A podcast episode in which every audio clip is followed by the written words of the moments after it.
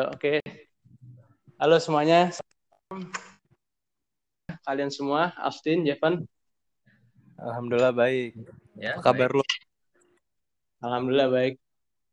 Ya, kita ngapain ini? Jadi gimana Sekarang nih? LPK sama kalian nih podcast. Nah, kita kebetulan dari LPKH ini rencananya eh, podcastan kita ini rencana mau bahas masalah mengkritisi tuntutan hukum dari penggunaan kata anjay. Nah, mungkin nih dari narasumber ini si Austin dan Jevan, menurut kalian gimana nih terkait masalah apa masalah dari tuntutan hukum penggunaan kata ini? Gue sih perlu nggak sih dituntut apa perkataan kata-kata seperti ini kayak hanya hal sepele tapi bisa dikenakan pidana. Mungkin kalian ada yang tahu nggak ya latar belakangnya itu seperti apa ya? Coba gue jelasin dikit kali ya. Boleh boleh Sabi. Jadinya kan si ada namanya kayak selebgram mungkin bisa dibilang selebgram kali ya. Ah. Namanya Lutfi Agizal. Dia ngebuat laporan terkait penggunaan kata anjay. Biar nggak Hmm. di apa? Biar kata anjay itu nggak digunain lagi. Karena menurut dia nih kata anjay ini itu itu adalah kata kasar yang dapat merusak moral-moral anak Indonesia. Makanya dari dari dasar argumen tersebut dia ngelaporin ke Komnas Perlindungan Anak gitu loh. Itu latar belakang kayak gitu. Menurut dia merusak moral anak-anak Indonesia.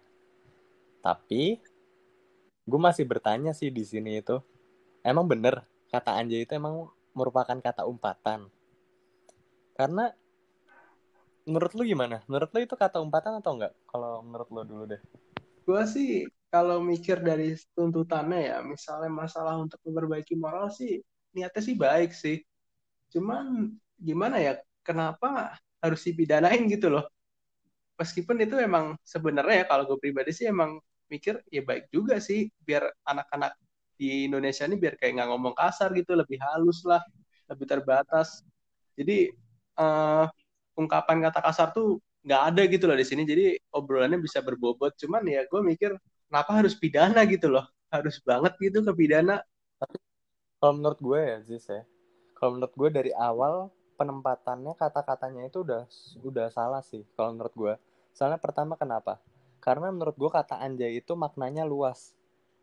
Bahkan Hmm. multitafsir kalau menurut gue dari penggunaan kata anjay tersebut. Karena gue sendiri anak yang lahir tahun 90-an, menempati kata anjay itu bukan sebagai kata umpatan atau kata kasar, namun kata anjay itu menurut gue dan menurut lingkungan sosial teman-teman gue yang ada di Jakarta itu memaknai kata anjay itu sebagai kayak mengekspresikan kekaguman. Kalau misalkan mereka melihat sebuah benda-benda atau situasi-situasi yang membuat mereka takjub gitu loh. Nah. Jadinya jadinya kalau misalkan gue atau teman-teman gue sendiri itu tuh kalau misalkan emang mereka emang mau ngomong kasar, ini maaf mereka lebih memilih kata-kata seperti anjing, bajingan, bangsat atau dan lain-lain sebagainya. Bahkan bahkan nih di KBBI itu kata anjay itu nggak ditemukan loh. Tapi kalau misalkan di KBBI, kalau misalkan kayak bangsat, bajingan atau jancuk itu di KBBI itu secara garis besar merupakan kata-kata umpatan. Jadinya yang perlu dipertanyakan di sini itu itu kata anjay itu sendiri. Kan soalnya kan itu eh, interpretasi si Lutfi Agizal itu kan yang menempatkan kata anjay itu kata kasar. Hmm, gitu loh gue jadinya nggak secara umum kata anjay itu merupakan kata kasar. Jadinya dasarnya harus di situ dulu. Dasar pemikiran kita itu harus di situ dulu. Sebelum mau ke pidana atau ke apa itu itu kata anjaynya dulu nih maknanya itu sebenarnya apa sih? Gitu loh menurut gue iya sih. Gue juga dulu bener sih yang tadi lu sampein itu Din. masalah apa tuh tadi yang lu sampein itu kayak ketika kita ngucapin anjay itu sebenarnya maknanya tuh bukan menghina tapi kayak terkesan gitu. Wow gitu kan. Kalian gue kalau ngeliat sesuatu yang mengesankan atau yang menarik itu kadang gue pengen bilang wih anjay keren banget gitu. Iya Kadang- benar. Iya, ungkapan gue bukan kayak ngomong kata-kata hewan kasar lah, kata ragunan ataupun alat kelamin. Itu kan kesannya kasar banget itu apalagi kalau udah kayak ngomong kayak kata-kata mohon maaf nih kayak ngomong kata-kata anjing lah atau kata-kata alat kelamin itu meskipun Iya, itu benar. ungkapan terkesan uh, mungkin dia nyampein itu tapi dalam arti dia terkesan gitu loh melihat sesuatu terus nyampein kata-katanya kasar menurut gue nggak enak tuh kalau dengerin kata-kata ragunan ataupun kata-kata alat kelamin. Kalau anjay kan dari segi mana gitu loh kayak ngomong apakah emang bisa dihubungkan yeah. dengan ke kata-kata anjing atau itu terpisah gitu. Makanya kalo, bener, bener. Kalau iya, kalau kalau menurut Jevon gimana? Oke, kalau menurut gue sih kata anjay itu benar. Yang maksudnya eh, sebagai kata yang terkesan untuk ya itu tuh kayak kesanan kayak amazing gitu kan kayak wow gitu. Nah itu kan artinya kan istilahnya kayak eh, kata itu kan nggak ada makna kasar. Maksudnya eh, gini, eh, memang ada eh, waktu di berita gue melihat eh ya membaca kata anjay itu selain sebagai kata yang dibilang kasar, itu juga sebagai kata yang yang kesannya menghina seseorang. Jadi itu katanya kenapa dia ada dapat uh, apa tuh namanya masukan gitu, masukan kata anjay itu dilarang karena ada yang melapor bahwa dia itu sakit hati karena dikatain anjay. Nah di situ gue nggak dapat maknanya. Kenapa? Di, uh, jadi istilahnya ya lu lebih lebih sakit hati dikatain anjay atau lebih lebih sakit hati dikatain kata-kata yang lebih kasar dari anjay gitu kalau kata yang ragunan atau anak-anak kata-kata yang lain itu menurut gue kalau misalkan dibuat bercandaan itu menurut gue sih nggak akan sakit hati kalau kalau dikatain ngomong anjay dan gue sama sekali nggak menemukan kata anjay itu sebagai kata kasar atau sebagai menghina seseorang gue udah udah udah udah coba-coba mikir kayak oke okay, misalkan kalau misalkan uh, lu mau ngatain orang tapi sebagai kesannya sebagai rasisme. Kayak hmm. sorry ya misalkan kayak oh uh, Cina lu anjay gitu.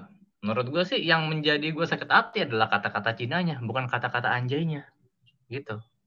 Jadi sampai sekarang sih gue nggak nggak nggak nggak menemukan makna bahwa kata anjay itu sebagai kata kasar atau sebagai kata yang menghina seseorang. Malahan yang kata-kata yang menghina seseorang tuh malah jauh lebih banyak ketimbang kata anjay itu sih menurut gue kalau gue sih ngeliat nih yang dari ini gue lihat nih dari kompas.com nih gue lihat si Lutfi Agizal tuh jadi uh, dia tuh mengaku berusaha melihat kata anjay itu dari sudut pandang yang lain gitu loh. Maksudnya dia mungkin kan kalau sudut pandang kita kan kayak kalau kita mendengar kata anjay itu ataupun kita mengucapkan kan kita tuh ucapan kita tuh niatnya dari sudut uh, positif gitu loh. Seperti kita terkesan ataupun uh, terkejut. Uh, dia melihat dari sisi uh, dari sisi pandang yang lain gitu loh. Jadi dia melihat ini dari sisi negatif. Mungkin dia memperhatikan kata-kata anjay itu berhubungan dengan yang tadi. Mohon maaf kayak kata-kata ragunan ataupun kata-kata kasar yang lain. Tadi kan apa yang disampaikan ada yang sakit hati ya tadi lu Jeff bilang. Gara-gara diomongin kata anjay terus dia sakit yeah. hati gitu kan. Rasa kayak itu kesannya anjay lu misalnya ngomong masalah rasis lah ataupun yang lain terus tiba-tiba sakit hati. Kok bisa gitu ya sakit hati? Padahal kan cuma terkesan aja gitu iya benar iya, gue gue baca, baca suatu artikel yang mengatakan bahwa ya kata anjay itu emang gak ada maknanya itu kata-kata yang jelek terus di bawahnya gue lihat ada seorang yang sakit hati gara-gara dikatain ngomong anjay gue mikir itu bukan menurut gue ya dan juga gini Uh, lu nyadar gak sih kenapa dia ngelaporinnya itu ke Komnas Anak ya? Dia ngelapor ke Komnas Anak ya? Yeah. Komnas Perlindungan Anak. Ya.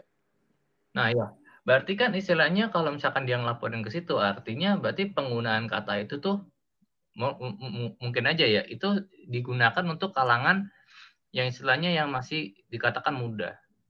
Atau misalkan ya kan SMA atau anak-anak SMP mungkin itu sebagian besar menggunakan kata itu tuh sebagai kata yang yang ngatain orang gitu makanya dia ininya ke Komnas Anak gitu kenapa nggak dia ke yang ngelaporinnya nggak yang ke KPAI ya ah iya sama KPAI gitu. sama Komnas Perlindungan ya, kan? eh sorry yang apa sih yang yang atur lagi tuh yang yang tuh aduh gue lupa gitu Kenapa dia nggak ngelaporinnya yang ke skala nasional? Kenapa dia ngomongnya ke Komnas Anak gitu? Mungkin, mungkin anak-anak niatnya, mungkin ada yang niatnya ya, sorry nih gue potong. Mungkin niatnya dia melaporkan itu maksudnya sorry. biar uh, supaya generasi untuk selanjutnya itu biar nggak kebawa lagi kata-kata itu gitu loh. Nggak terbawa kata-kata anjay itu untuk ke generasi yang akan mendatang. Tapi kalau misalnya kayak generasi kita nih kita kan udah lumayan agak udah tua ataupun udah besar gitu ya. Itu kan agak sulit gitu lah diperbaiki. Kan kalau hmm. anak kecil itu kan masih masih bisa gitu loh dirubah secara pelan-pelan. Ibaratnya dia kayak apa ya kayak plastisin lah kayak bisa diolah ke mana-mana kayak dibentuk seperti apa dia akan ikut kalau bentukannya misalnya bentuk dibentuk lingkaran itu dia akan seperti lingkaran. Kalau dibentuk kotak dia akan seperti apa menjadi seperti kotak. Gitu. Tapi menurut Makanya, gue ya menurut gue oh, menurut gue kalau menurut gue malahan kalau anak kecil itu malah malah lebih sulit untuk dikasih tahu.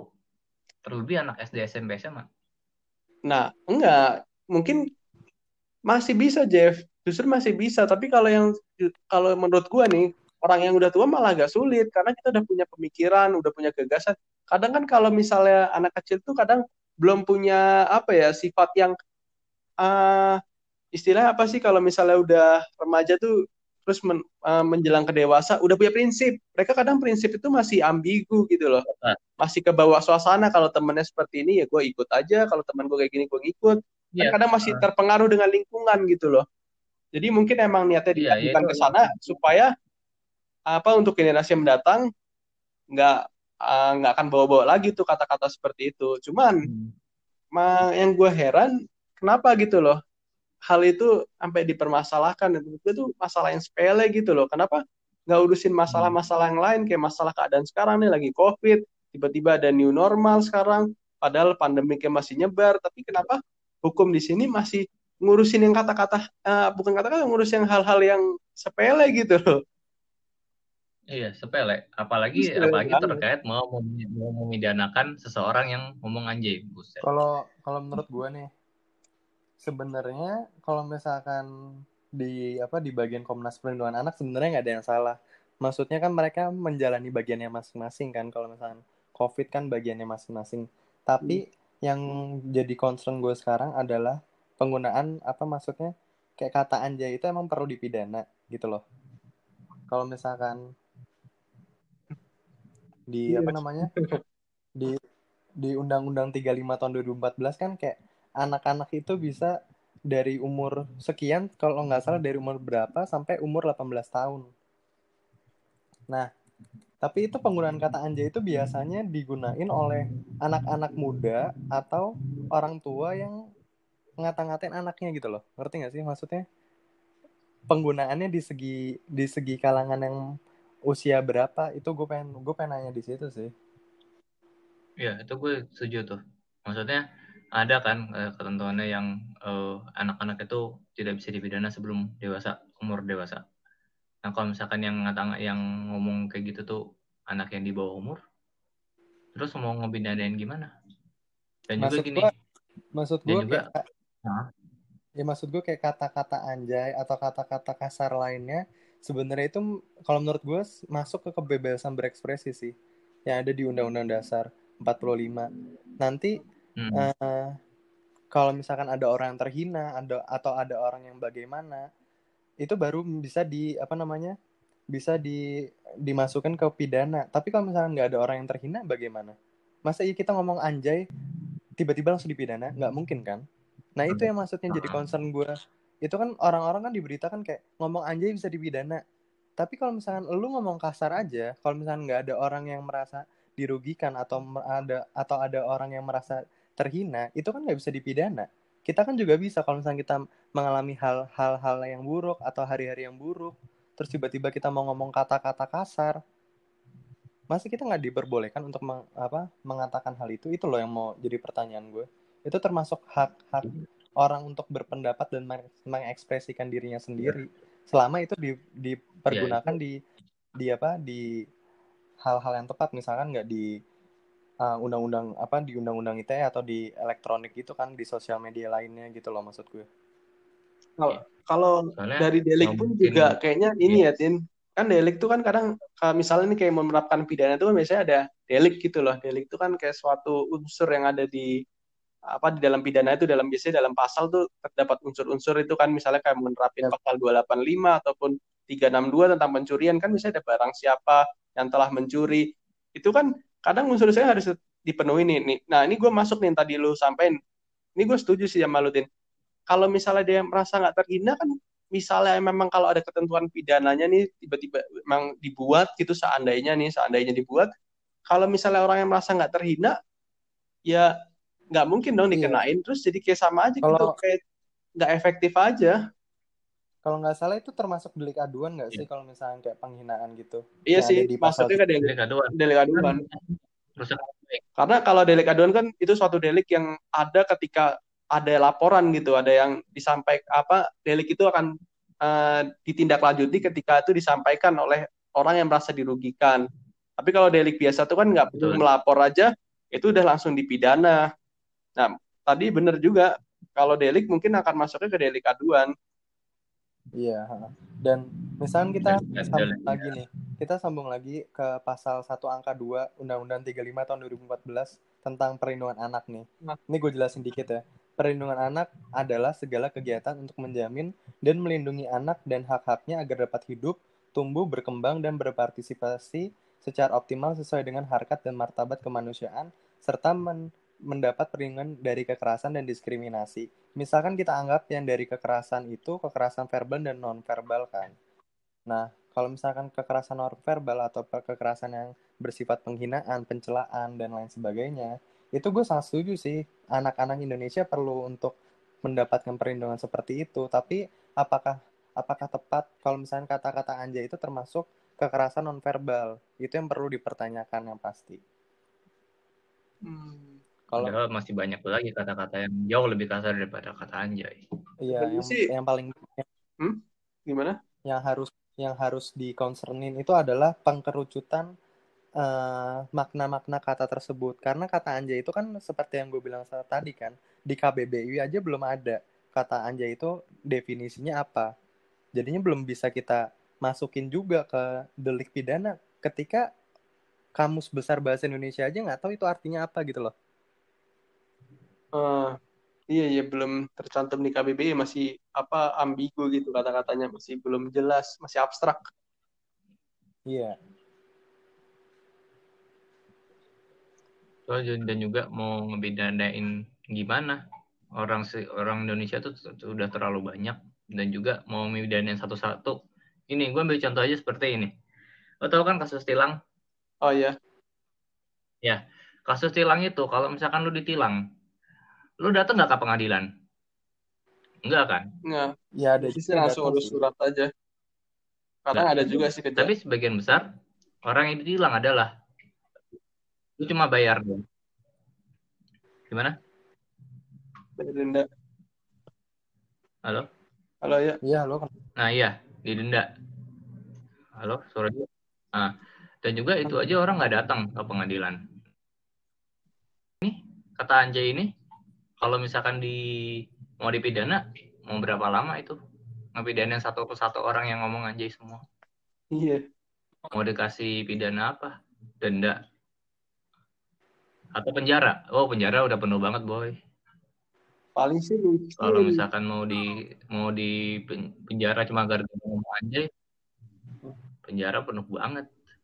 iya Eh, paling mungkin sih sanksinya kayak ini sih yang kayak protokol COVID aja mungkin yang kena apa ya yang kena pilih denda atau bersihin got gitu kalau nggak salah. Yang protokol COVID sekarang itu kalau yang nggak pakai masker, lu mau denda 500 atau mau Oh, bersihin iya, aja selokan gitu. Paling sanksinya akan seperti itu sih. Apa ya, Iya, benar. sanksinya lebih ke penyadaran aja. Cara, dan misalkan terus cara cara penertibannya gimana? Kalau masker bisa kita lihat dengan dengan mata kita bisa ngeliat oh ini orang nggak pakai masker, tangkap disuruh pakai eh, apa namanya itu pekerja sosial. Kalau ngomong anjay, kan kita juga bi- bisa bisa nggak dengar juga. Terus cara penertibannya gimana? Iya, kalau agak sulit sih. misalkan misalkan gue balik ke eh, ke KUHP lagi ya misalkan kan kayak yang tadi lu bilang ya sih ada unsur-unsurnya kan Iya. Kalau misalkan unsur yang ada di 310 KUHP itu dia ngomong sengaja menyerang kehormatan atau nama baik seseorang dengan menuduhkan sesuatu hal dan unsur maksud untuk diketahui umum. Nah, kalau misalkan unsur-unsur itu terpenuhi kan berarti bisa dikategorikan kan sebagai penghinaan. Misalkan seperti lu uh, ngatain orang bangsat, tai atau babi gitu, sorry ya. Uh, di depan orang banyak itu kan udah jelas kan unsur-unsurnya kan. Hmm. Terus berdasarkan penelusuran gue juga kayak penuntutan kasus penghinaan ini biasanya uh, terjadi terhadap anak yang biasanya dilontarkan oleh si pelaku itu kepada orang tua dan ada juga si anaknya itu. Ngerti nggak maksud gue? Jadinya ada ada anaknya ada orang tuanya. Nah teman orang tuanya ngatain or, orang tuanya sama anaknya nah biasanya gue gue cari kasus-kasusnya kayak gitu kalau misalnya penghinaan terhadap anak. Jadi bersama orang tuanya gitu? Uh, uh, jadinya kalau kayak contohnya gue gue tadi nyari ada di di putusan pengadilan negeri Batu Sangkar. Jadinya ada orang tua temennya eh jadinya misalkan si terdakwa nih si terdakwa ini ngatain anaknya anaknya si temennya itu, oi anak anjing, gitu terusan uh, dia ngomong lagi si terdakwa itu apa yang dimakan oleh anak anjing itu mah eh apa yang dimakan oleh anak anjing anjing itu gitu katanya. Terus karena adanya kata-kata tersebut si orang tua korban itu ngelaporin ke polisi kan. Terus habis itu karena kejadian itu hakim berpendapat kalau misalkan uh, yang perbuatan yang terdakwa tadi itu memenuhi unsur-unsur yang tadi ada di pasal 310 KUHP tadi yang udah gue bilang tadi. Uh. Nah, terus balik lagi ke awal lagi sebenarnya kayak emang anjay itu kalau anjay bukan bahasa kasar terus apa yang mau dipidanain gitu loh. Gue masih jadi pertanyaan besar itu di situ. Iya. Dan kalau misalkan ditambah daripada kita menguras tenaga yang lebih banyak, kalau misalkan mau ngurus ngurusin anjay doang dibanding ngurusin anjay mending kita concern ke bahasa bahasa-bahasa yang benar-benar lebih nggak multi tafsir dan juga kan udah jadi tanggung jawab si Komnas Anak itu juga kan. Kalau misalkan sekarang juga anak-anak banyak yang jadi manusia silver yang di jalan-jalan itu mending kita ngurusin yang kayak gituan dulu deh. Kalau ini sih mungkin kalau saran gue sih untuk permasalahan ini ya perkataan anjay mungkin akan lebih baik sih itu urusan seperti itu lebih baik dilempar eh, ke institusi pendidikan aja gitu loh. Kayak misalnya men, uh, mendidik kayak guru-guru di SD, SMP, SMA untuk mendidik moral sama etika itu bisa lebih baik gitu loh dididik lebih baik. Uh, dalam arti jadi kadang sistem pendidikan kita ini juga penting banget ini kalau misalnya mau syarat kelulusan ataupun kenaikan kelas. Menurut gue ya ini solusi untuk masalah ini nih masalah moral buat moral anak kita apa buat anak-anak bangsa nih akan lebih baik seperti apa. Jadi misalnya ketika kita nih kelas 1 SD atau kelas 2 SD mau naik ke kelas 3 SD nah itu lebih baik syarat yang paling utama itu adalah etika dan moral. Kalau misalnya etika dan moral itu tidak terpenuhi, jangan sampai itu naik kelas. Karena kalau naik kelas masih etika dan moralnya masih belum benar, percuma gitu loh. Kan ibaratnya kayak percuma orang pintar tapi dia tidak beradab gitu. Jadi lebih baik. Itu yang hilang sih dari dunia pendidikan. Nah, kalau menurut cara etika, cara ber, ber, ber, ngom, berkomunikasi dengan orang, dengan orang yang uh, kayak lebih lebih tua atau lebih hmm. muda hmm. etika attitude itu yang hilang dari dunia pendidikan menurut gue iya di berarti ke pendidikan karakter iya. ya lebih mulai dari lebih SD apa? sampai SMA sampai kuliah karakter. pun itu nggak diajarin Iya, kadang kita bentuknya cuma tekstual gitu loh, cuma hanya sebatas dari kertas. Iya, kertas nah. Itu namanya soft skill. Dan soft skill itu nggak ada itu hilang dari dunia dunia pendidikan di Indonesia. Gue dulu pas pas uh, ber sempat bersekolah dan berkuliah di Jerman itu ada mata kuliah yang namanya soft skill dan di sini nggak ada. Hmm. Itu soft skill belajarnya gimana? Hanya berinteraksi aja. Oh, menarik ya. Tapi berinteraksi, tapi berinteraksi di di oriented Oke. Okay. Oke okay lah. Kalau gitu tapi uh, apa? Kita kasih solusi aja buat permasalahan ini. Jadi dari kalian berdua nih, Jevon sama Austin, solusi untuk masalah ini apa? Terus pendapat kalian terkait ini apa nih untuk permasalahan kata anjay akan lebih baik seperti apa? Kan akan lebih baik kalau kita bisa nyampein aspirasi kita seperti uh, akan lebih baik seperti apa sih nih permasalahan ini supaya mungkin jika ada yang mendengar ini ya mungkin siapa tahu bisa jadi masukan gitu loh. Mungkin juga bisa jadi masukan buat ini Komnas Perlindungan Anak. Nah, coba mungkin dari Jeven gimana saran sama masukan lu? Kalau saran sih mungkin ya, mungkin ini benar. Jadi uh, mungkin bisa aja dilakukan ya dari awal mulai dari usia sedini mungkin, bukan sedini mungkin sih, maksudnya dari dari usia-usia perkuliahan eh perkuliahan, persekolahan ini kayak ada sedikit uh, pembelajaran atau istilahnya pelajaran atau studi, studi kayak kau mata pelajaran yang istilahnya itu melihat atau mengajari cara uh, etika atau attitude atau berkomunikasi dengan sesama gitu. Bukan bukan bukan hanya sesama ya maksudnya dengan dengan dengan masyarakat juga gitu. Soalnya yang yang gue nilai anak-anak sekarang nih maksudnya kayak misalkan pas pas gue belanja atau gimana gue sempat melihat anak-anak itu dia ngomong ke orang yang lebih tua aja tuh dengan kata-kata yang kurang pantas lah gitu. Dan dan di situ gue merasa hati gue kayak miris aja kayak ngeliat set anak-anak SD gitu cuman omongannya tuh jauh lebih kasar daripada gue gitu. Jadi ya kenapa kenapa apa salahnya gitu kayak mengajari sedikit lah mengajari anak-anak gimana loh caranya berkomunikasi yang baik gitu. Walaupun ini ya ini agak susah karena satu-satu kan dan setiap orang juga punya karakter berbeda-beda. Cara-cara berkomunikasi pun berbeda-beda juga, nggak bisa disamain. Cuma setidaknya kita sedikit lah memberikan pelajaran sedikit. Menurut gue sih itu sih. Oke, mungkin kalau dari lo gimana nih, Austin nih? Kalau menurut gue emang kalau misalkan dari awal pembahasannya itu apakah anjay bisa dipidana, kalau menurut gue harus dikaji lebih dalam lagi sih dalam da, dari segi bahasanya itu kan kayak yang tadi gue bilang di KBB itu kan belum ada kan yang anjay itu. Nah dari awal kalau misalkan emang itu pengen dipidana dan pengen ditindak lanjut lebih dalam lagi oleh Komnas Perlindungan Anak tentang penggunaan kata anjay itu kita harus uh, menggunakan kaidah-kaidah di dalam bahasa Indonesia secara lebih dalam lagi. Jadinya jangan ada multitafsir di kata-kata anjay itu. Nah, kalau misalkan emang udah tidak ada multitafsir lagi kan sudah jelas. Jadi udah nggak akan ada lagi uh, namanya uh, dari masyarakat-masyarakat sendiri timbul-timbul pertanyaan yang tidak jelas terkait kata kata-kata anjay tersebut.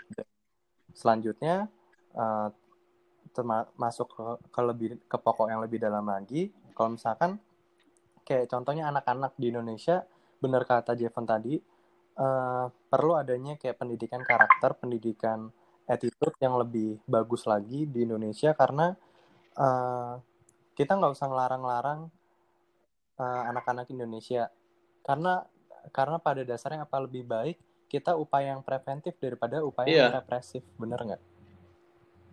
Kalau misalnya kita preventif secara pendidikan karena pada dasarnya apa? Orang-orang yang udah gelar profesor sekalipun mereka tetap banyak yang ngomong hmm. kata-kata hmm. kasar karena menurut gue hmm. itu juga sebenarnya naluri ilmiah alamiah maksudnya naluri alamiah seseorang tapi kita bisa mengupayakan langkah yang preventif dengan cara apa dengan cara pendidikan karakter jadinya upaya preventifnya itu sangat diperlukan dan sangat dianjurkan oleh uh, pemerintah sekarang di mana di mana concernnya sama Kementerian hmm. Pendidikan gitu sih itu jadi solusi lu seperti itu ya okay. thank you Austin. Oke, okay, yeah. mungkin kita tutup untuk podcast hari ini.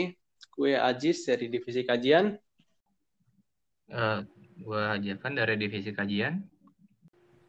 Saya Austin okay. dari Terima Divisi kasih untuk Raka sebagai jurnalistik yang telah membantu untuk merekam uh, agenda podcast kami ini. Sekian dari saya, insya Allah solusi dan pendapat kami ini bisa didengar dan juga bisa menjadi masukan untuk masyarakat Indonesia. Sekian dari saya. Wabillahi taufiq wal hidayah. Assalamualaikum warahmatullahi wabarakatuh.